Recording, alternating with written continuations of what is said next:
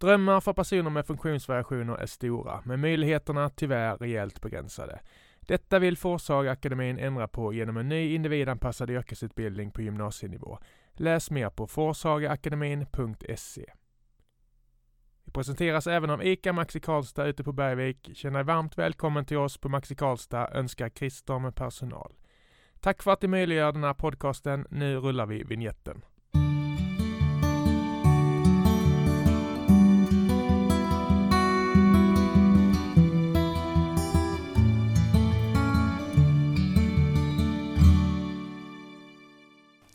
Men eh, nu, vi är på familjegården Linneberg i byn Tidersrum utanför Kisa. Eh, väldigt kul att vara här Magnus. Tusen tack för att vi fick komma. Tack, kul att ha dig här. Här är du född och uppvuxen. Här är jag uppvuxen. Jag tror vi är 50 generation Samuelsson här på, Ja. på Linneberg. Så. Jag såg i, någon, eh, i något hem, hemma hus-reportage att du inte har kommit mer än 200 meter. Ä- är det brorsans... Från brorsan början- där nu? Ja, mor och far bodde från början Ja. här uppe. Nu har de flyttat till grannhuset och sen vi äger gården nedanför här. Så Ja. där bodde brorsan i många år. Ja, Jag skulle bara vara här. Det här skulle vara min ungkarlslya. Eh, Ja. en, en, då när, när man var kort och gott. Grejen var att man jobbade ju jämt när man var ung. Så Mm. det var inte mycket tid över för något annat. Så jag tänkte varför ska jag ha ett eget boende? Så jag bodde hemma ganska länge. ja. Och sen så skulle jag Hur länge? Alltså jag eh, var 21, nästan 22. Ja, jag samma här. ner. Och sen så eh, typ direkt träffade jag frugan.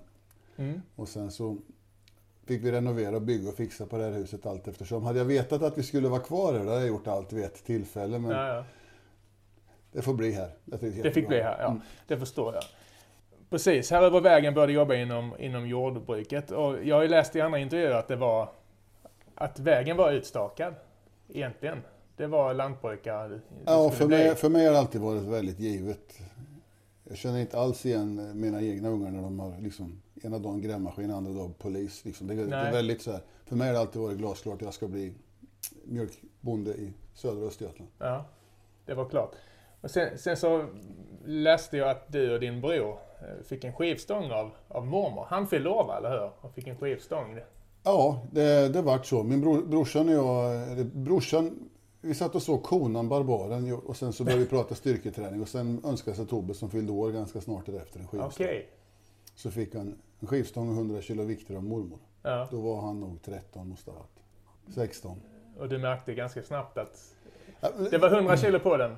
Jag har gjort min läxa. Ja, och det tog du direkt. ja, men, men också ska man komma ihåg att det här är ju en tid innan styrketräning blir populärt. Mm. Det var ju tvärsom, då var allt annat än populärt. Man, man fick liksom försvara sin hobby jämt. Eh, var man stor var man dum i samhället på den tiden. Och är man då lantbrukare med östgötsdialekt så är man ju eh, riktigt illa däran. Ja. Så, så, eh, så det var inte därför man började, utan det var bara någonting i det som var kul. Och vi höll på med massa idrotter innan, men allt eftersom styrketräningen tog fäste så fick de andra... Ja, du var friidrottare. Sprinter till och med, eller hur? Ja, men det, det blir ju så på mindre orter, så man får ju leka med de grejer som finns. Och det finns en skidanläggning en mil bort, så vi åkte mycket skidor. Jag tävlade i slalom och störtlopp. Ja. Och sen så låg det en friidrottsanläggning, så jag körde mycket friidrott. Tävlade som, som du säger, som sprinter och även... Men som ungdom så tävlar man ju alla övningar emellan sina kärnövningar. Så man åkte dit för att göra sprintloppen, men han är ju med någon lite längdhopp och, och kastade iväg något spjut och lite sådär också. Men, men det var sprint det var. Vad var dina sprinttalanger då? Vad hade du för tider? Det är så länge sedan jag faktiskt eh, glömt bort, men det här var ju under åren fram till man är 13, 14 där. 14 år var nog sista tävlingsåret. Mm. Så jag ska inte säga några tider för mig har glömt bort, men jag var väl jag var hyfsat snabb var jag. Och något som jag tyckte var intressant var, jag kommer säkert eh, citera fel nu, men, men eh, att, att ni, ni lärde er att det inte fanns några genvägar. Det tänkte jag på när ni började träna sen, för jag, jag vet att du följde, ni följde slaviskt Schwarzeneggers eh, träningsbibel. Ja. Pumping Iron och sånt hade väl släppts, eller hur? Var inte det på typ... Det, allt det där går lite hand i hand. För först eh, så började vi träna och då bara körde man planlöst alla övningar som man själv kunde hitta Mm. på. Det här är ju lite före Googles framfart. Så Ja, information. Och gick man ner till Kisa biblioteket så fanns det ingen jättestor eh, hylla för hur man blir stor och stark Nej. heller. Så man, eh, man, man körde. Sen hittade man den där, fick jag den här boken av mamma då. En liten fyrkantig bok av, av Arnold. vad hette den? Det, det är Bodybuilding for Men by Arnold Schwarzenegger. Ja, ja, ja. Det, Och det var Bibeln. Jag tror den boken var något av en bibel för väldigt många i min generation som höll på med styrketräning. Mm. Dels är det en bra bok. Får säga vad man vill om Arnold, men det mesta han har gjort, han har gjort väldigt... En svår, svår eh, resa att slå. Han har gjort det mesta mm. väldigt bra. Mm. Och i, i, den där så var det ju så här nybörjarträning längst fram. Eh, liten kille med små vikter. Och sen bläddrade man fram en bit så var det fortsättningsprogram. Lite större kille med lite större vikter. Så bläddrar man förbi allt det där så kommer man ju till Arnolds Mr Olympia-program, mm. världens största bodybuilding-tävling. Ja. Stor kille som lyfter jättestora vikter. Mm. Så jag och brorsan räknade snabbt ut att det är enkelt det här. Kör man eh, lilla programmet blir man som lilla killen. Mm. Och kör man det stora programmet blir man som Arnold. Så vi körde alltid Arnolds Mr Olympia-program från mm. den dagen vi fick den. Går, går det att sammanfatta med några meningar? Vad det, det programmet ut? Eller vad var kontentan? Alltså Arnolds, längst bak i boken fanns ju Arnolds Mr Olympia-program. Och det, det är ju träna sex dagar i veckan. Mm. Eh, egentligen två och en halv timme per dag. Så vi tänkte att eh, vi börjar där. Mm. Så vi körde det där programmet oavkortat de första fem åren. Mm. Fem år, ja. Det är inget man gör på, det är inget man gör på ett halvår. Nej, och sen har vi nog bara korrigerat programmen allt eftersom man märker vilka, vilka saker som fungerar och allt eftersom man lär sig. Det, styrketräning är ju som, jag brukar säga, det är lite grann eh, det går inte att trimma en motor i en bil heller om man inte förstår hur en motor fungerar. Nej. Så man gör klokt i att läsa på en hel del. Mm. Så allt, eh, det är så, all framgång måste komma från kunskap. För det tyckte jag, det här har du pratat om så många gånger så det ska vi bara ta i, i förbifarten. Men jag blev väldigt mm. imponerad. Svensk mästare i armbrytning. Mm. Men det vill jag ändå komma in på, för det känns ju väldigt mycket teknik. Är det inte det? Är det en myt? ja, men grejen var så, vi, vi började bara nöta och träna här och sen så, eh, ingen målsättning med någonting, hade ingen övergripande plan, utan vi tyckte det här var Nej. kul. Och vi skulle göra det på våra premisser, liksom. vanlig husmanskost, bara tjura på och träna. Mm. Och är man då bonde så är man faktiskt ganska van vid att eh, man, man blir inte belönad över en natt, utan, man får, Nej. utan det är fullt naturligt att det tar en stund. Mm. Så vi, vi malde på där allt eftersom åren gick så började ryktet spridas över att jag och brorsan var ganska starka. Och sen så, så började det med att vi bröt arm med en grabb här nere i byn som var allmänt känd för att vara, han var starkast i mm. En ganska stadig armbrytningsmatch, helt utan teknik, bara så här. Tog i så mycket vi hade båda två och när allt var färdigt så hade jag vunnit den där. 28 eh, minuter tog den matchen. Oh. Det är den längsta match jag tror jag har hört någon eh, gjort. Det är mjölksyra, mm. eller? Ja, det blir ju helt trasigt sen. Ja. Sen tog han med mig till en armbrytningsklubb och sen så, eh, så tävlade jag några, några år. Så jag, jag vann alla SM jag ställde upp i och sen mm. vart jag Europamästare i armbrytning. Ja, och du blev Sveriges starkaste man av bara farten. Men jag fastnade för ett citat som du var inne på där du pratade om eh, ditt första deltagande i världens starkaste man 97. Det här tyckte jag var intressant. Första var 95, förlåt. Jaha, 95. Mm. Men på väg hem insåg jag att om jag bara korrigerade mina fysiska brister så hade jag möjlighet att göra det jag brinner för på heltid. Har jag läst ett citat om dig.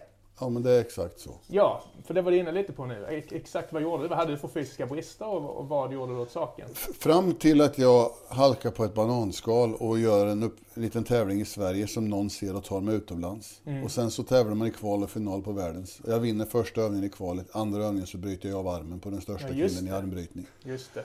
Tredje övningen vinner jag och jag kommer till final på första världens, vilket nästan är omöjligt. Och sen i finalen så räckte jag inte riktigt till, men jag var ändå inte så jag skämde ut mig. Nej. Sen på vägen hem därifrån så, när man sitter och summerar, vet jag visste ju knappt vad var och varannan övning var när jag åkte dit. Mm. Liksom, jag kom ungefär med samma utrustning som man gör på en badsemester. Liksom. Eh, när man åkte på slutet hade man med sig två hockeytrunkar med grejer. Ja.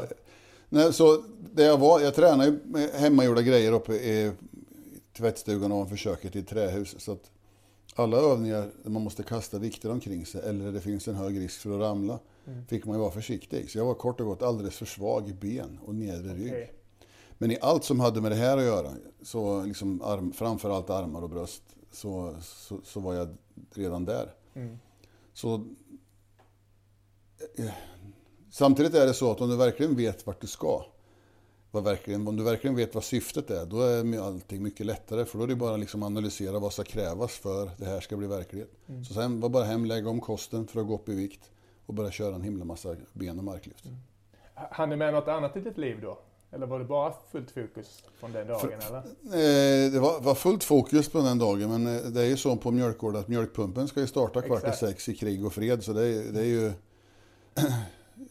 och det är ett familjeansvar. Hela det livet har format mig ganska mycket för man får ett gruppansvar. Mm. Man bestämmer saker tillsammans och man slutför dem tillsammans. Mm. och därför så, så jobbar jag på som vanligt. Däremot all tid som varit över la jag på träning. Mm. Och 98 då, eh, Marocko måste vi prata om. Där du blev världens starkaste man. Vad minns du mest från den? Är, är det två dagars event eller hur går det till? Tre veckor. Tre veckors event? Oj, okej. Okay. världens är tre veckor, de andra är i regel en helg. Men just världens då, den största den är tre veckor. Okej. Okay. Sen är det ganska fysiskt, mentalt också, ja, det förstår jag. tröttande. Eh, när jag kommer till världens 98 så är det egentligen så att när jag började 95 så, vis, så, märkte jag att jag hade vissa färdigheter och vissa brister. Och sen började jag jobba på mina brister. Och år efter år så började de här bristerna bli mindre och mindre. Mm. Så året innan hade jag varit trea och jag hade börjat vinna massa Grand Prix. 98 vann jag faktiskt nästan allt som fanns fram till världens. Mm. Men jag hade fortfarande inte själv insett att jag var bra.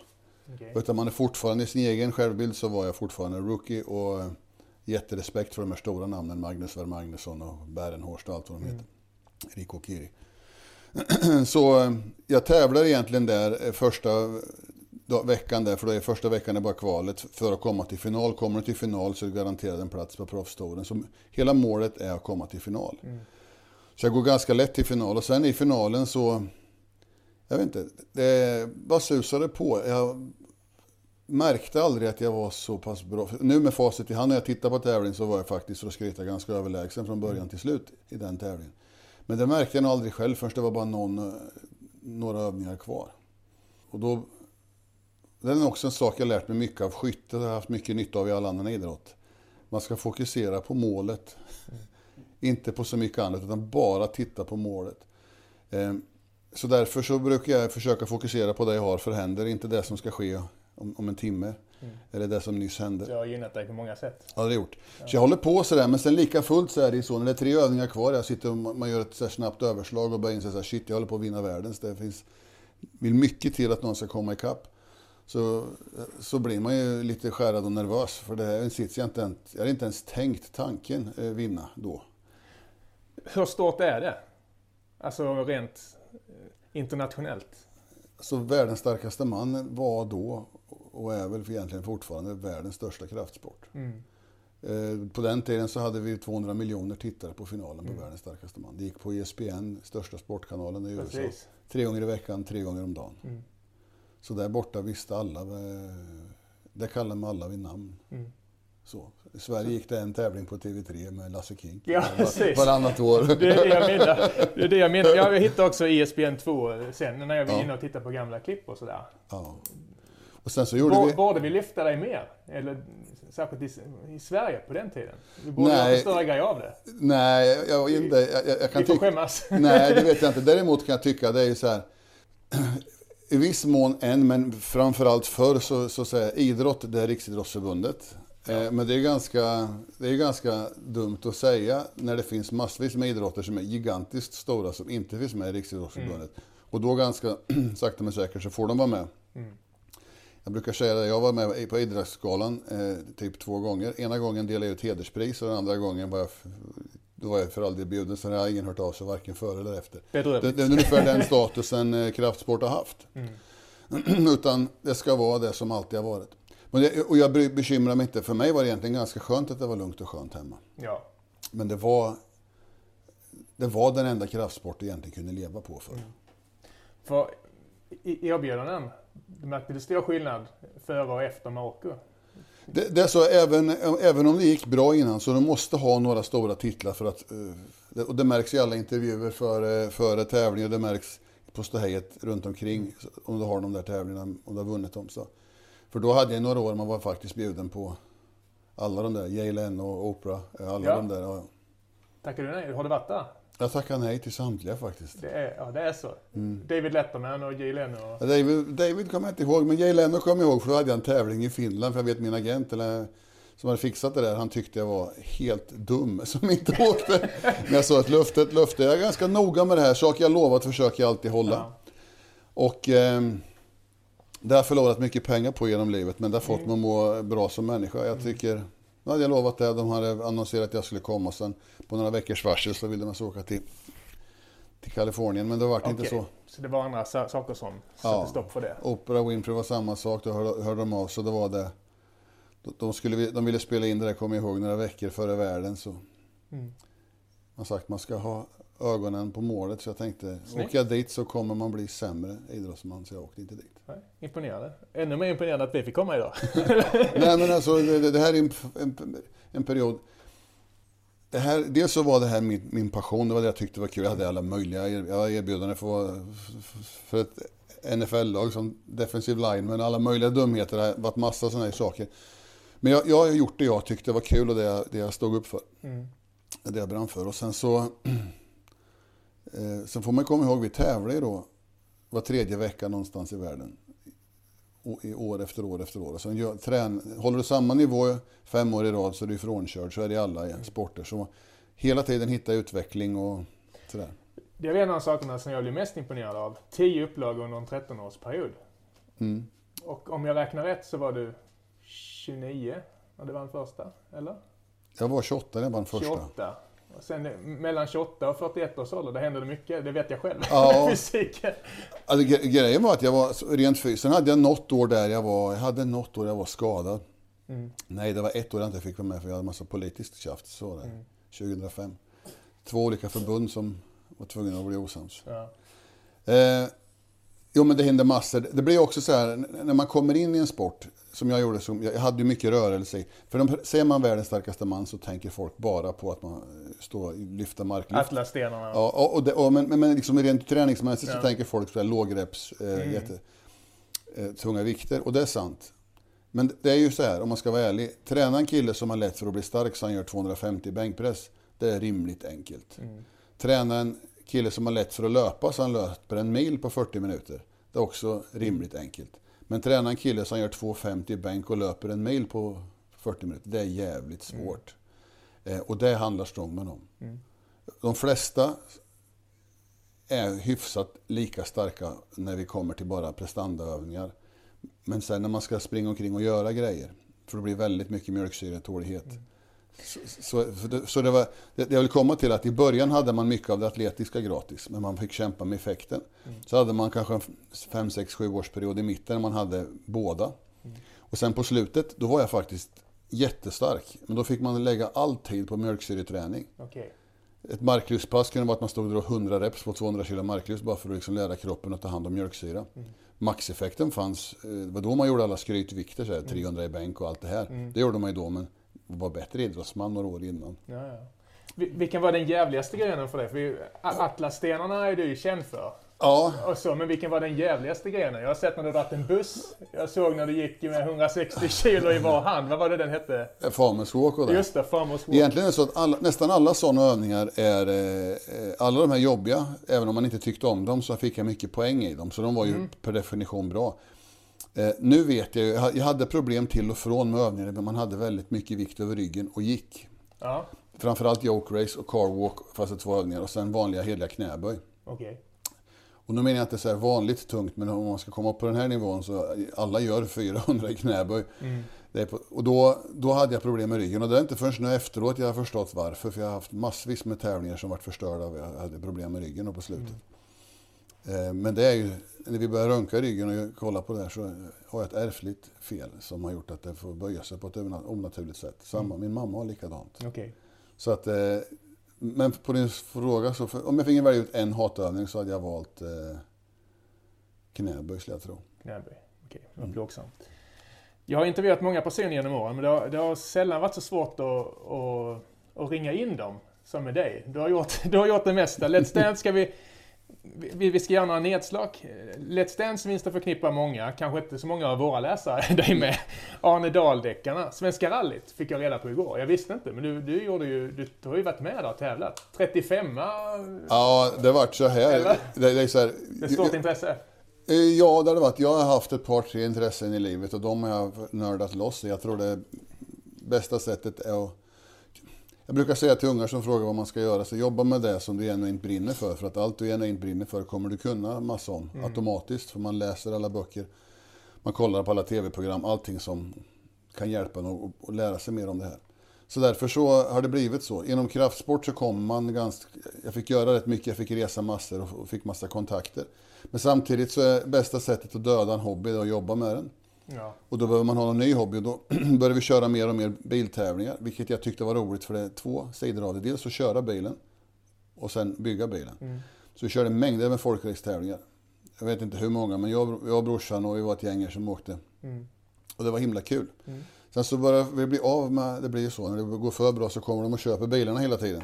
Okay. Så vi jag och brorsan, jag tror det stod tio bilar där ute. Ja. För man visste en tävling i varje så är de borta. Mm. Så började vi köra rally.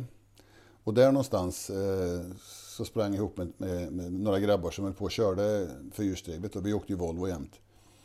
Och då så fick jag chansen att köra där uppe. Enda, och jag hoppas jag får chansen igen, det som förstörde hela tävlingen, är, eh, för det var perfekta förutsättningar, jättemycket snö, iskallt, bra bil. Jättelätt körd bil. Det var bara det att jag var så illa sjuk. Eh, det fanns ju influenser även före covid. Det det. Men jag, jag, lyckades, och jag blir sällan sjuk, men då hade jag en sådär, så 40 graders feber, lite lagom yr och man blir trött och dum. Och framförallt då när det är en känslosport, man måste ju ändå känna när, när det är lagom. Så, mm. så jag gjorde några fatala misstag och åkte av ordentligt på ett par ställen. Okay. Det är ju så mycket snö så inget gick sönder, men det tog en evighet att komma ut igen. Ja. Så slutet på första sträckan så gick jag av ordentligt. För annars så hade jag nog ett hyfsat tempo i bilen.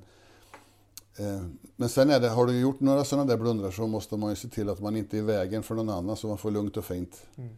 eh, inrikta sig på att liksom slutföra och, och, försöka hjälpa Svenska rallyt att få bra publicitet. Istället för att vara i vägen och stå, stå där. Nej, om, om det stämde så tror jag det kom 35 av 55 startande. Så det, ja, det, det, det, men det, det kunde ha gått betydligt fortare. Jo, jo, så, för det, det, blir så. Det är en elak sport om du står still i tio minuter. Är det. Jag förstår det. Jag förstår. Vi åkte av ett hårt ställe. Eller, det är lite roligt för, för att jag var så trött i huvudet så jag hörde inte noter längre. Så jag såg bara att jag kom över ett krön och så var det spikrakt. Jag såg träden och delade sig. Så jag bara klickade i femman över krönet och så var ett vägbyte nedanför. Och så här, Tur det gick vägen. Roligt. Ett, ett, annat nedslag jag tänkte göra, enligt mig en av de bästa reklamfilmerna, Risifrutti-reklamen. Jag tycker den är otroligt bra. Vad minns du från den? ja, men det är lite, var lite roligt för eh, för de ringde gång på gång och ville göra det där. Jag sa, jag kan på riktigt, eh, liksom, jag vill inte riktigt stå för produkten. Jag tänker inte stå och säga så köp det här, det här, det här nej, är bra nej. grejer. Så, för det är det inte. Nej. Så, nej, för fan, det visste de också att det inte var. Så att, mm. det var inga konstigheter. Ja, det är mycket socker kort och gott. Ja. Och eh, inget illa för övrigt. Och då så, eh, men, men eh, att, man, att man kan säga att det är liksom en, en, en, en god en god gärning? En, liksom en, en, en, en god grej, men går inte att stå och säga att det jag var rädd för att man skulle, att man skulle göra någon reklam så här, ät det här så blir du stor och stark. Nej, nej. Det gör du inte. Nej, men, men eh, så, så presenterar de det där förslaget och gör det på sig. Alltså, absolut, det där köper jag. Det, ja, men det som jag tyckte var fint var, om, om eh, lyssnarna inte minns, så var det ju en, en ung kille som, vinner en he, som vann en hel dag med dig. Ja. Och där kommer ett moppegäng och börjar mucka med den här unge killen och frågar om han vill ha stryk. Ja. Och då kliver du in. Och sen så hänger ni och du dansar för honom. Ja. Och du... så, man ska kunna vinna, de har ju en tävling där man ska kunna vinna en dag med mig. Ja. Och sen så eh, vad, gjorde vi så att man, när man ska filma det här så gör man ju en parodi på sig själv där man lite grann förstärker allas fördomar. Man bara, bara går omkring här jobbig, pratar om sig själv och visar för allt och alla hur stark man är hela tiden. Ja. Eh, och sen i det här fallet dansar då konstant för då hade vi också precis slutat göra Let's Dance. Ja. Så, så det vart faktiskt ganska komiskt. Ja. Nej, men det var, det var fint och liksom slog hål på många fördomar. Och det, ja, jag tyckte den var minnesvärd. Ett annat sånt där gåshudsögonblick jag fick faktiskt, det var Fångarna på fortet. När det kom in i den där cellen och det skulle upp ett svärd och en slags huggkubb ja. och hugg av en det där är länge tross sedan. eller något. Minns du det? det ja, jag, vet, jag kan 14 till... sekunder tog det. De andra stod bara och skrattade utanför cellen. ja, men till saken är att jag, för jag kommer ihåg exakt när det här är, för det här var sista gången TV4 gjorde det här. Mm. Sen gick det över till TV3, det mm. visste man inte då. Men, och då hade man själv suttit och sett det där i, i många år och sett eh, en och annan misslyckas och sådär. Ja. Och jag skulle egentligen vara tävla. Jag skulle börja, jag hade precis börjat gå bra i tävlingskarriären. Mm. För det är 97 det här. 97, ja. Och jag skulle till Holland och tävla så jag var inte så himla jättesugen på att göra något innan tävlingen. Men sen i alla fall så hamnade jag där, men jag var så ung och arg. Och så när jag springer in och ska göra det där så hade jag förväntat mig att... För de kan ju, Jag vet att de kommer dra på allting så det blir så tungt det bara går. Mm. För allting är lite justerbart på De anpassar lite mm. efter deltagarna. Så jag vet att allting stod på max. Och när du ska lyfta något riktigt tungt, då liksom tar du tag i vikten så trycker du fram knän, spänner core och allting och sen så ska du liksom trycka ifrån. Så medan jag håller på att liksom förbereda kroppen på att börja ta i, mm. då bara lossnar ju svärdet. och då har man ju så mycket adrenalin kvar för man har liksom byggt för det där jättelyftet som ja. aldrig varit av. Så, så då fick man ju lägga det på, på slå istället. Ja precis, så ett var, slag. Ja, så det var ju nästan vet, man är så full med adrenalin som man var när man var yngre. Då var ju allting bara dimmigt så här. Så det inget väger Ja men det så, det, så, det så overkligt ut. Det ser ut som en vuxen man inne på Leos Lekland eller något. Vi ska alldeles strax komma in på, på jakten såklart. Men jag måste, en sak till som jag inte visste. Jag tyckte det var väldigt roligt. Eh, du tackade nej till Gladiator. Mm. Och så läste jag en annan skämtsam kommentar som du sa om att du sparar dig till Göta kanal 3. Det var väldigt roligt sagt. Ja, men, kan, kan, du berätta lite? Nej men det är ändå så här, jag har fått massa frågor om det. ja. det är, eh, jag förstår det. När det här sker så är det ju i en, en tid när jag är regerande världsmästare och man börjar märka ett mönster att en det ena en det andra ringer till mig och vill att jag ska... Mm. Eh, man gör så här stora superinförsäljningen och sen när man trattar ner allting till nedersta raden så ska det mynna ut i att det är bra för mig att vara med här. Mm. Och eh, gärna billigt, allra helst gratis. Och jag var ganska förmäten. Jag har varit fart världen runt, precis kommit hem när den här personen ringer. Och mycket riktigt, så jättestor införsäljning, världsfilm, jättestora den. Men i ärlighetens namn, har någon någonsin ringt till någon och sagt så här, jag jobbar med en ganska medioker filmproduktion som förmodligen ingen kommer se. Och jag undrar om du, utan så han håller på med det och sen avslutar han med att säga att vi ska filma tre månader i Marocko. Jag bara tänkte, jag precis kom hem från ja, Marocko. Det är inget bra där. Tre tuffa veckor. Det, det är dålig mat. Det, liksom, det jag hade varit i Marocko var ingen höjdare. Så jag säger, men då, då är det bra för mig. Ja. Så han blir precis tyst. Och sen så... Eh, ja, det blir så. Så slutar det så ringer han tillbaka efter någon vecka och frågar om jag ändrat mig. Det hade jag inte. Nej. Men det var lite onödigt för, som sagt, The Gladiator är ju förmodligen en av de största filmerna i modern tid. Okay. Inget fel på Göta kanal 3 heller. Nej, men sen så, så, så vart det ju så att många år senare så började man jobba med film. Det vart ja. ju lite sådär. Och sen idag så är ju är det en del av det jag gör. Jag jobbar med mitt egna projekt, ett bolag som jag startat upp. Mm. Jobbar med kost och friskvård annars så. Och sen är det marknadsföringsuppdrag. Men rätt mycket sista fem åren har jag varit utomlands på film. Mm. Trivs du i den rollen? Ja, det gör jag. Det, på den tiden världen var normal, så man kunde resa mellan mm. olika länder, så var det ett jättebra jobb. Då kunde man liksom åka iväg och pendla emellan. Och det var, Europa är inte så stort. Mm. Eh, så jag, jag, tycker det är kul att jobba med film och kan man då kombinera det med vanligt affärsliv så får man ju båda världar. Lite mm. kreativitet och lite... Nu, nu aktuell i nya säsongen av Gåsmamman. Vi pratade om det lite på vägen hit jag Staffan. Jag har inte börjat se den. Men du, du spelar lite... Du, Jim ägare med lite shady business eller vad var det som... Ja, ja, berätta om din roll. Nej men det blir ju så, eh, vad ska jag säga, allt eftersom jag har blivit äldre så har jag sett ett mönster. Jag bjuda? Ja, alltså, utom, eller säger så här, utomlands har jag varit med i Sista kungadömet och jag har varit med i en del filmer där man springer omkring och, och slåss med svärd. Mm. Eh, då får jag ofta vara hjältens kompis. Okej. Okay. Ja. Lite åt det hållet. Ja. Eh, så man blir... Den biffiga sidekicken. Ja. Vilket är, men det var, det var ett himla roliga år. Eh, I Sverige har jag inte gjort någonting ända sedan Arnedal. Det är snart. Nej. Vi gjorde säsong två av Arnedal 2014, 15 mm. för mig. Så det är länge sedan jag gjorde någonting här. Så det, det har varit jättekul och eh, jag tycker Gåsmamman jag har inte sett det förrän jag har varit erbjuden, så jag har sett okay. ikapp. Jag tycker det är en bra serie. Ja, verkligen. Roligt att vara med och eh, jag spelar en person som ligger ganska långt ifrån mig själv den här gången. Mm. det ska bli kul att se. Jag ska se det när vi kommer hem faktiskt. Vi, vi måste komma in på jakten nu. Motorintresset nämnde vi. Mm. Och eh, jakten är ett annan, har varit en annan källa till avkoppling. Visst är det så? Du pratar om att det kom väldigt naturligt för dig. Ja, där är jag, jag är uppfödd på ett jordbruk och om man försöker förklara det för folk som inte jagar då så alltid ryggmärgssvarar man negativt så fort. Mm. Allmänt om allting man inte har kunskap om då men det är ändå så, man är uppväxt på en gård där man ena dagen får vara med mamma och dra ut en, en kalv och nästa dag stå med veterinären och avliva ett djur. Så, mm. så lär man sig att det, livet består av yin och yang. Mm. Och det går inte bara att välja ut eh, den, liksom den fluffiga, gulliga delen av livet Precis. och tro att man kan hålla sig där. Så hela det här förhållandet är för mig ganska avdramatiserat. Mm. Eh, under, och det ligger ett ansvar som markägare att hålla liksom, djurbestånd på en, på en bra nivå skapa en balans där.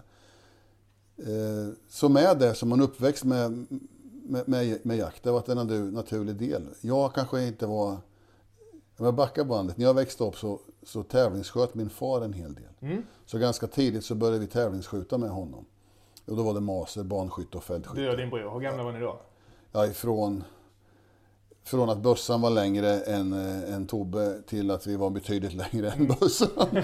Men det var de här åren och, då, och pappa, och vi, liksom, vi var ute varje helg och så trän, tränade man i stort sett dagligen då. Vi hade tavlorna utsatta framför huset så nästan varje lunch när man var lite äldre så gick man hem och så tog man bössan, sköt en serie, gick hem och in åt maten, gick ut, markerade och sen var det klistrat och klart till, mm. till nästa mål.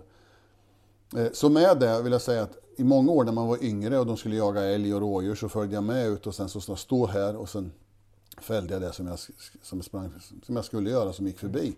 Men jag var nog egentligen aldrig någon jägare. Däremot var min bror 100% jägare. Du sa det innan. Ja. Att han är den stjärnan, både bästa skytten och... Ja, men det är han. Och, och bästa. Men han också jakt är så oändligt mycket mer än att gå ut i skogen med, med en bössa. Det är en del av hantverket i det där. Men det är självfallet att kunna läsa spelet i naturen. Och, och, eh, och det är väl som, som historia och schack och allting. Ju mer man kan, ju roligare blir det. Mm.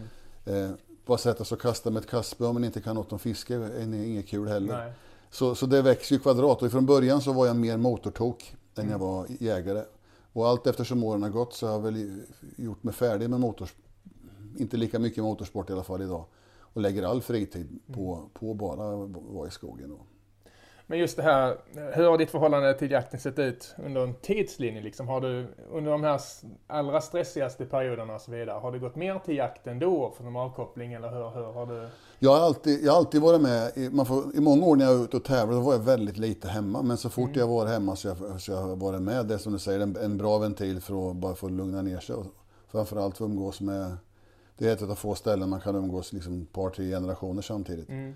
Eh, under de här åren har det också förändrats en hel del i naturlivet som också gör varför vi lägger mycket mer tid på jakt allmänt nu än vi gjorde förr. Vi hade inte vildsvin när jag växte upp. Nej. Och någonstans därifrån till att ha jättemycket vildsvin som vi har haft de sista 10-15 mm. åren. Eh, och med det så följer ett helt annat mönster i jakt. Mm. Andra hundar, annat skytteteknik, eh, egentligen en annan vapen garderob. Mm. Eh, och det, det, har också gjort, tycker jag, jakten intressantare. För annars har det varit så här, ja nu har vi tre månader här, vi ska, det blir så isolerat och sen så ska man ställa in allting. Eh, nu rullar det på nästan året runt. Mm. Och vi har hundar som springer här runt benen, jättefina. Ja. Berätta om den interaktionen med, med dina hundar. För ni är ute en del. Var, du berättade att det var en som följer dig Ja, jag, jag, jag vet inte. Jag, jag, jag är ju och det vill jag förtydliga för alla som lyssnar. Jag har jobbat med djur och natur jämt, för jag gillar djur och natur. Eh, jag är en väldig djur, djurvän. Och just hundar har jag alltid haft en väldig passion för. Mm. Så här på gården så har vi alltid haft någon sällskapshund så där största allmänhet som lullar omkring, håller ordning på alla. Mm. Och sen eh, brorsan har lajker och jag jagar mm. med. Pappa har drevrar. Och jag har alltid, jag var borta i så många år så kunde jag inte ha någon egen jakthund. Men så fort jag började komma hem så har jag alltid velat haft en border terrier. Så jag har en liten border terrier-tjej som jag har med mig jämt. Mm. Problemet med, med henne är ju att man har ju så fäst, för de är ju rätt personliga. Så de är med precis jämt. Så man är, får bara vara på de här områdena där är absolut längst från en väg. Ja, ja. med bra pejl och hela kalaset. Ja. Men det verkar inte så lovande eller, hunden? Det var lite jag hade min förra, nej, min förra terrier hade varit jätteduktig och, och eh, gjorde liksom allting rätt av från början. Ja, ja. Eh, hon vart ju dessvärre ihjälkörd ganska snart. Mm. Smet ut här ut trädgården en dag. Mm. Eh, den här har inte samma instinktiva... Hon är så himla lojal mig. Så jag, jag, tror att det går bättre ifall någon annan är hundförare än jag. Okay. För så länge jag är hundförare så vill hon gärna... Om hon tar upp någonting och driver iväg det. Mm så jag nästan som springer fram för att komma tillbaka och säga förlåt, jag är här nu, vi kan fortsätta promenaden. Liksom. Hur kan man träna bort det? Eller kan man det? Ja, det tror jag. Man, man kan...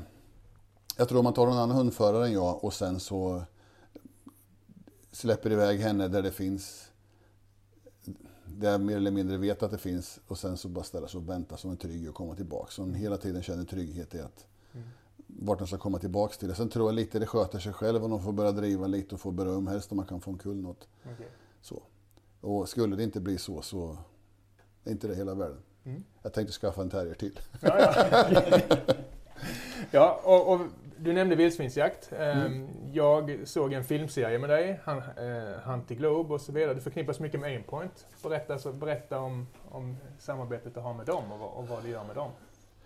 Eh, jag kom i kontakt med Aimpoint för, nu är det snart tio år sedan, i samband med att det skulle börjas göra material till, till utlandsmässor mm. som Aimpoint skulle göra. Och, eh, eh, efter ett tag så slutade med att jag och min bror för de frågade egentligen mig, jag sa i ärlighetens namn, ring min bror, han är både bättre skytt och jägare än jag. Men det slutade med att det var han och jag, så jag åkte omkring och gjort en, en hel del jobb ihop med dem och det har varit fantastiskt roligt. Mm. Och också fått privilegiet att träna med deras instruktörer. Ja. Vilket har gjort det hela. Så jag, jag skjuter idag, jag lägger nog ett par, tre dagar normalt sett i veckan på att försöka skjuta korta serier med mm. skjuta träffbilder och på rörliga mål. Men framförallt hyfsade träffbilder på, på rimligt snabb tid med, med kulvapen. Det är någonting som jag tycker... Ja, jag såg den här filmen, det var inte trickfilmat när du sköt ner vattenbehållarna med hjälp av skötpunktssiktet ja, där. Det, ja. det, det var de första jag gjorde. Nej, men... Det var på buffeljakt? Ja. Nej, men...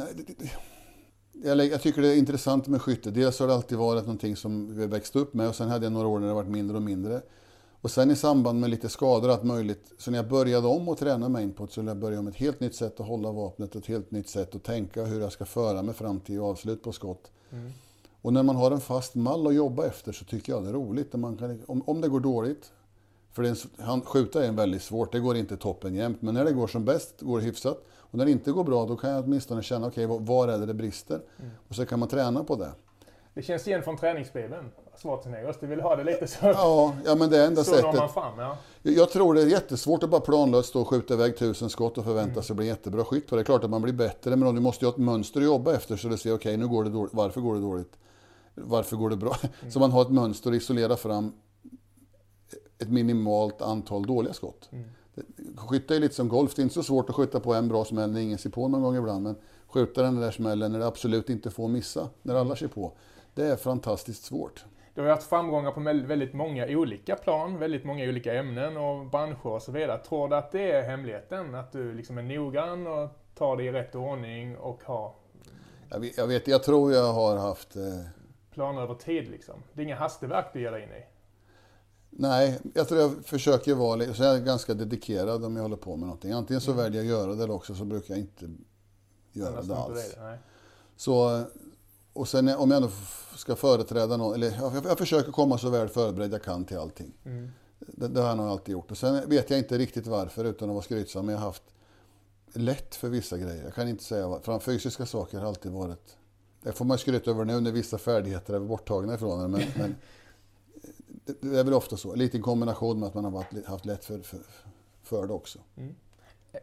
Finns det något du har, vi ska ta fem snabba frågor strax också, men finns det någonting som du har gett dig in med hull och hår och varit helt talanglös? Finns det något som du har, har hittat som tänkt att det här, det här vill jag göra och du har märkt att du inte har jag försöker lära min sambo spela gitarr till exempel, men hon tycker det är tråkigt för hon lär sig inte efter en halvtimme. Är du lite ja. sån också? Nej. Du måste vara bra på något direkt? Eller? Nej, nej, tvärtom. tvärtom. Allting som är gratis är billigt av en anledning. Ja. Eh, utan det ska vara, därför jag ofta hamnar på sånt som är ganska svårt. Styrketräning får säga vad man vill om det, men det tar en 15 år innan mm. eh, det ger någon större... Det är en lång kurva. Ja. Och samma sak med alla de här sporterna som egentligen blir stora. Golf, tennis. Det är komplexa saker. Det är inget ja. man lär sig på en liten stund. Om du har fallenhet går det mycket snabbare än för den stora massan, men det är bara att nöta och nöta. Mm. Och många av de här som, som skytte och golf och många andra sporter, handlar ju väldigt mycket om att vara eh, kall mentalt. Mm. Och det tror jag idrott allmänt har lärt mig, som jag haft nytta av i vad jag gjort, att man blir bättre och bättre på att hantera saker under press. Mm. Eh, för det är väl det svåraste. Att tänka rätt när det är lite svårt. Entreprenören i dig, för det måste man ju ändå säga att du är. Drar du nytta av det där också? Eh, både ja och nej. Jag tror jag varit... Det är jättesvårt. Man träffar ju människor som har gjort oändligt mycket bättre affärer än jag har gjort. Men det, det handlar ju om... Dels så måste man ju skapa jobb. Speciellt alla de här åren när man höll på med idrott och innan man fick så mycket framgång så det skötte sig den vägen. Mm. Men då måste man ju skapa events för det är ju ingen som kommer ringa och fråga. Eh, och allt eftersom som tiden går. Det handlar väl om en mix av att vara lite så impulsiv och någonstans landade. I början startar man tio projekt och ett bar sig. Mm. Kanske idag man drar igång lite färre men att procenten på, på att lyckas är mycket högre. Men det är, eh, man måste försöka se möjligheter och lite grann tro på det man gör. Mm. Jag skulle vilja att vi pratar om, eh, jag, läste på om äventyrsbana. Det ska vi väl gå ut och titta på, eller ligger det här? Den ligger nere nu egentligen, för det är så här, när jag kom hem och... Det var förhjulingar, vi var lite... Ja, jag på, ja de, det ligger nere. Jag håller på att starta upp det där igen. Det kom ju ett litet virus här och, och förstörde all form av gruppverksamhet. När jag kom hem så slutade jag med en sport där, där jag faktiskt var lite fixstjärna. Det var ganska lätt att vara jag med. Jag hade bra sponsorer och i, och i USA så var det väldigt stahej vart man kom. Mm. Och rätt svar hade ju varit att flytta till USA. Men jag tycker att livet är ju mer än bara kronor och öre. Det är ju här på gården jag har allt som jag tycker är kul. Så vi åkte hem och sen försökte starta upp ett liv här. Och samtidigt som jag gjorde det så var jag ganska nykter i tanken att det kommer vara 5, 6, 7 månader som jag kan öppna alla dörrar och sen så kommer det bli svårare och svårare. Vilket är helt okej. Okay. Mm. Jag har haft 15 skitfina år, inget att klaga över. Men nu måste man börja med ett vanligt liv. Mm. Och då tänkte jag, så jag startade alla möjliga grejer bara för att se att något, vad som skulle tas. Jag köpte in med någon kompis bolag, jag startade det där eventföretaget där vi egentligen skulle hantera kickoffer och mm. sånt där. Och sen, eh, du vet, det ena efter det tredje. Och sen jag hade som allra mest att göra så, så ringde de från TV4 och undrade om jag ville vara med och dansa där. Mm. Och det ville jag ju inte. Så att, eh, men eh, på något vis så slutade det med att jag varit det i alla fall. Så efter det äventyret som kom där så, så hände ett par, tre, fyra saker som jag inte kunde förutse. Det ena var att, det ena var att vi faktiskt gick så bra så, så att vi vann. Jag hade bokat in jobb två veckor efter premiären på det där, så jag var ganska säker på att jag skulle vara först ut. Så jag hade inte, men så gick det så, så där. Och sen efter det så fick jag, jag hade hundra mejl om dagen från företag. Mm. Som ville jag skulle komma och göra jippon och sådär. Så vi mjölkade väl ur det sista ur jag hade ju massa färdiga kit som hade gjort åt sponsorer och så förut. Så jag åkte land och rike runt och gjorde uppvisningar. Mm. Eh, och sen så åkte jag hem. Så körde vi Svenska rallyt. Och sen så började jag filma in Arne Dahl. Mm. Så allt det där kom nog lite på köpet av dansprogrammet. Och sen någonstans där så lärde man sig ganska mycket om sig själv med. För jag kom på att det är ganska skönt att vara ute i den här otrygga zonen när det är lite eh, utanför mm. comfortzonen som det så fint heter. Mm. Så ehm, så därför så vart det mer och mer film. Mm. Det, det, här var en jättelång utläggning för att säga att med det så tog den här eventverksamheten också fart. Problemet var att vi hade inte tid att riktigt expandera det där så, som vi skulle göra. Så vi har kört jättemånga jobb. Mm. Eh, men det var dags att investera i mer saker nu och så lagom kom pandemin så vi sätter fart på allting från början. Men vi har kört mycket fyrhjulingar, mycket skytte mm. Eh, och mycket så vanliga fysiska utmaningar. Vi får komma tillbaka en annan gång. Ni får komma i april. Ni kommer, ni kommer att bli kvar, eller hur? Ja, det tror jag. Vi ska avsluta med sista grejen. Fem snabba frågor. Mm. Eh, drömjakt? Drömjakt är... Det säger som vilken favoritsiffra. Det är jättesvårt. Nej, men, eh, alltså, drömjakt för mig det är väl egentligen de jakter när det går bra med hundar och gärna man har med sig grabben och liksom familjärt. Hela den biten är, är eh, är väldigt viktig. Mm. Men samtidigt så liksom knalla ut på en bergsrygg i Nya Zeeland eh, glömmer man inte. Nej. Kula och kaliber, vad använder du? Ja, jag har ett par tre som jag tycker är lika bra. Är, jag skjuter väldigt mycket 300 Winchester Magnum bara för den sitter på den kolven som jag gillar. Men jag mm. skjuter jättemycket 7 mm Brase Magnum. Mm. Vanligt 308 har jag skjutit massor också. Ja. Den 308 är väl egentligen en jättefin ammunition. Mm. Snäll och byter man kula till vad man ska göra så funkar det jättebra. Men just nu har det varit mycket 300 Winchester. Mm. Vapen? Jag kan inte ge så ett, jag har två, tre. Som är jag, tycker. säga dem. Jag, tycker, jag tycker om Sacos Carbon Wolf. Den är en personlig favorit. Jag har skjutit jättemycket med Saco Grizzly. Mm. Och, och så jag skjuter mycket R8 Blaser. Mm. Det är de tre. Jakthund var vi inne på. För- jakthund är, det är ju tid och plats och var man är så här. Men en, en jämte uppe i Jämtland är väl eh, ypperligt. Men annars, jag, gillar border, jag gillar border terrier och den, den där intensiva varelsen i skogen. Favoritjaktform? Vanlig hundjakt. Jag kan tycka en, driv, en drivande hund eller en stötande hund. Men, men det är något speciellt ändå med en driv, drever som ligger och knatar efter ett rådjur. Mm. Och imorgon börjar, imorgon börjar det. Ska du ut på något i helgen eller? Eh, Hundjakten? jag ska prata med min bror. Det brukar vi alltid göra. Eh, jag, jag ska kolla lite vad han gör. Men eh, jag, jag, har varit borta i sex veckor så jag har knappt sett någon här. Men det, det skulle vara väldigt märkligt om vi, inte, om vi inte är ute. Vi är ute och springer om nätterna. Det, det är alltid någonting vi gör. Så att jag skulle vara väldigt förvånad om vi inte gör det den här helgen. Tusen tack Magnus. Det fin- finns anledning att komma tillbaka för ni kommer att vara kvar här gissar jag. Du flyttar inte härifrån eller hur? Nej, alltså, inte, mig får de bära härifrån en vacker dag. Jag, sen jag, det är också så, jag har haft förmånen, jag har varit världen runt. Jag tror jag, sist jag räknade efter, tror jag jobbar i 56 länder. Så, så det, men, men det är kanske först när man har gjort det som man inser att den här bygden är väldigt svår att slå. Mm. Eh, Jag tycker det är vackert här, lugnt och skönt och eh, som det är nu med både föräldrar och brorsan och allt runt hörnet så är det en ganska idyllisk verklighet att vara i. Tusen tack för att vi fick komma. Vi ska ut och ta lite bilder i Jajamän. idyllen nu. Tusen tack Magnus. Mitt nöje.